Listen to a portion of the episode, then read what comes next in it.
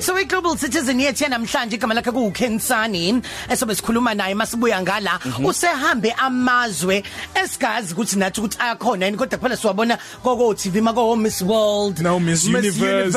Ukuthi hayibo is that a contract? Ukuthi khona izwe ekuthiwa iGodilopi neMartinique. noCozumel I know. Cabanga. khona le Antigua ngiyayazi iAntigua Ngempela. ngiyayazi yayilapha kuma West Indies.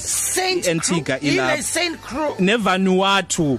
Hayibo akabuya azositshela ngawo uzenzelele lamagama yazi ubuza umbuzo omuhle la uThozama uproducer wethu Fro uthi ama island iziqhingi azibini ingcenye yezwe elilodwa. Nakhe ngikwaziyo mina o Barbados Bahamas Jamaica namanye amazwe ayimele kodwa kube sekuthiwa ama as- ase West Indies yabo? Oh, ama okay. Caribbean islands. Island. A- a- a- akufani njenge New Zealand. iNew Zealand Valley isiqhingi Eh, eh, valley so- sisodwa iyodwa. And then in New Zealand inabanye abaseceleni ayinabo yini sethuzo ayi Fiji khona Papua New Guinea Fiji Tonga ngiyalikhohlwa lesi Western Samoa. Yeah it's, it's Samoa Yes. eh. sisho kahle ngikhensani ngabe si wrong noma siqinisile? Gosh.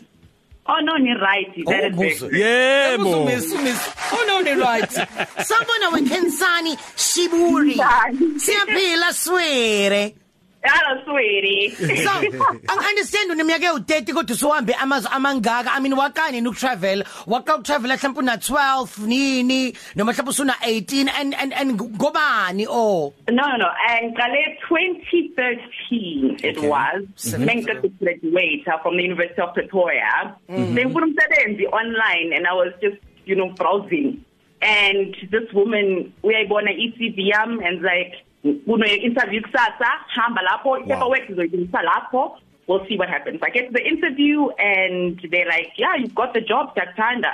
We'll send you everything else. So- and that was the beginning of my cruise ship career. so ubungasabi i mean makuthiwa ehamba lapho ama paperwork uzowathola lapho i mean esikhathini samanje sekhona no human trafficking um i mean njenganje noma mhlawumbe us- usuyithola usu- usushushumbisa idakamizwa nani nani we oh Yeah, yeah, no, definitely. Of course, abangani bami ne- and my family, my mom especially, they were worried. Even the day beng bengia laphaya, that day ngizohamba bebakhala, ba worried. Oh, but it legit? Is it because it was right then as well, human trafficking. So they were like, yo, umuntu uzobuya na. Nami it was the first time flying out, getting on a plane nje. It was the first time. oh man So I didn't know where I was going. Bengazi ukuthi ngizofonela abantu ngifika le it was just doing a thing to ngibona phambili. But luckily, you know, I had the courage to do it anyway. Nkhensani awukunikeze isithombe kumuntu osekhaya ukuthi umuntu umeze umeyosebenza kwi cruise ship usuke enzani usebenza amahora angakanani kugezwapi kulalwapi ebaphumula isikhathi esingakanani beqonywane futhi khona la kuhlalwa vele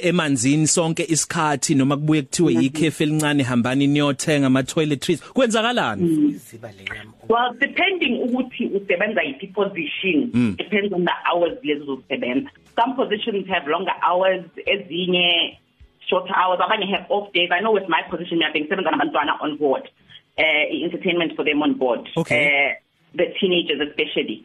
So Tina, Miss Tokile on the islands, let's say, my, let's say we're at our home port, home port kula, balanda amaguests amasha nala wakudala from the previous cruises bayehla ngiyabona. So let's say we are in Miami. Unesikhatshana nyana so thenga la wona lama toiletry lawo and everything. Also depending on the position would depend on hours wakho. You know mostly abantu abasebenza in restaurant or in bar bona they work very long hours. Mm. uh, sea days are longest days.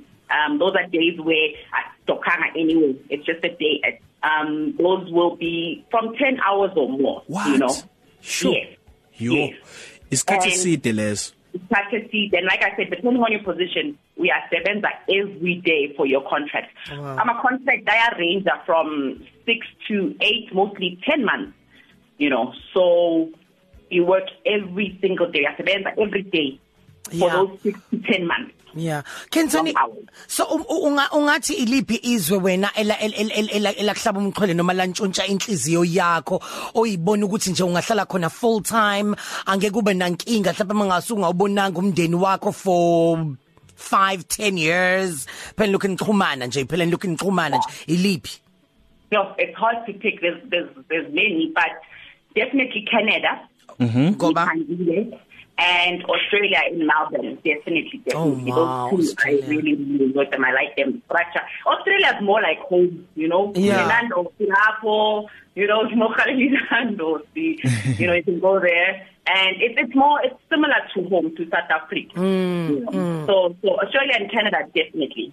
Usekhaya njengamanje Thembisa uthatha ikhefu ngenxa yalesimo esithinta umhlaba wonke eh se COVID-19 igciwane le i- i corona virus ngabe ikuphi okuthokozelayo ongakutholi mawuphumele kulamazi othi sengwahambile amazwe onke omhlaba kodwa mangibuyile ngisekhaya nansi into noma ezimbili ezintathu ezingenza ngithi ayi ngeke ngathi kuzoba nzima ukuthi ngiphindele. basically time nefamily you know you miss out on so many things more more lapaya you know you miss out on birthdays you miss out on you know births you miss out on ama celebration nje you know and spending time with them because udlala i catch up mufike endlini you know you're away for so long.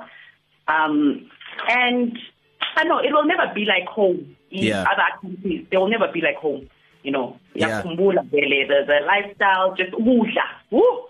Ukudla definitely. Yeah, definitely outwayela ukudla kwa from other countries you know. So Yeah. you, you really enjoy you miss ukudla kwasendlini. Ama ipapa ibhola sawubona lapha ya Yeah, shame man. So so, can so I miss those. So Khensani mina ngiyazazi mangabe ngigibele noma iskepe noma umkhumbana eh sihambe siyojika nje la eMoses Mabhido oh ngigula ngigule. Ngisengithi Yeah. kodwa khulukhulu msiqeda nini wena awubi seasick awugula uguliswa ulwandle. Not at all. And I've never had to ukuthi ngithatha ama sickness sickness pills, yes. Mm. Not at all, but I know kunabantu vele abanye mofika lapha mabasemsebenzini bayagula and mina I'm like angizwa next I'm not feeling anything, you know. So mm. I was never tentative to yona emotion sickness at mm. all. I was lucky enough. Eh imsebenzi eningizimu Afrika kuyakhalwa ngisho nakulabo sebefundile baqeda bagogoda abanye babo ngabe uyabakhuthaza abantu abasha ukuthi bawabheke lamathuba emisebenzi kuma cruise ship nakwezinye indawo eh, phesheya kolwandle Oh yeah, yeah, yeah, definitely, definitely.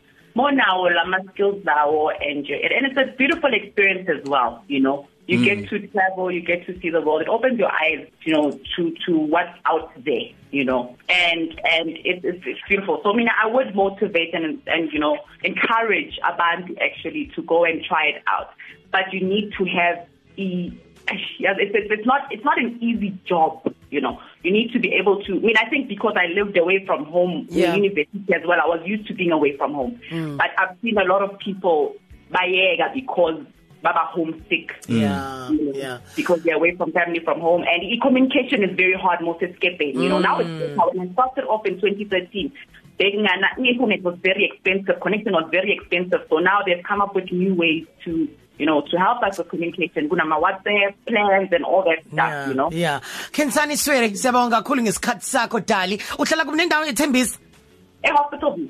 Oh hospital view mina ngazi lapha ngasemthungu ngase Capri Swere pie Yeah, it's not far from yeah okay Yeah. Khensani bye bye nana ngakhulu ukuxoxa nawe Bye. sisi Thank you. Bye. Top 3 Cafe. Ilunch yakho ayifani neyizolo.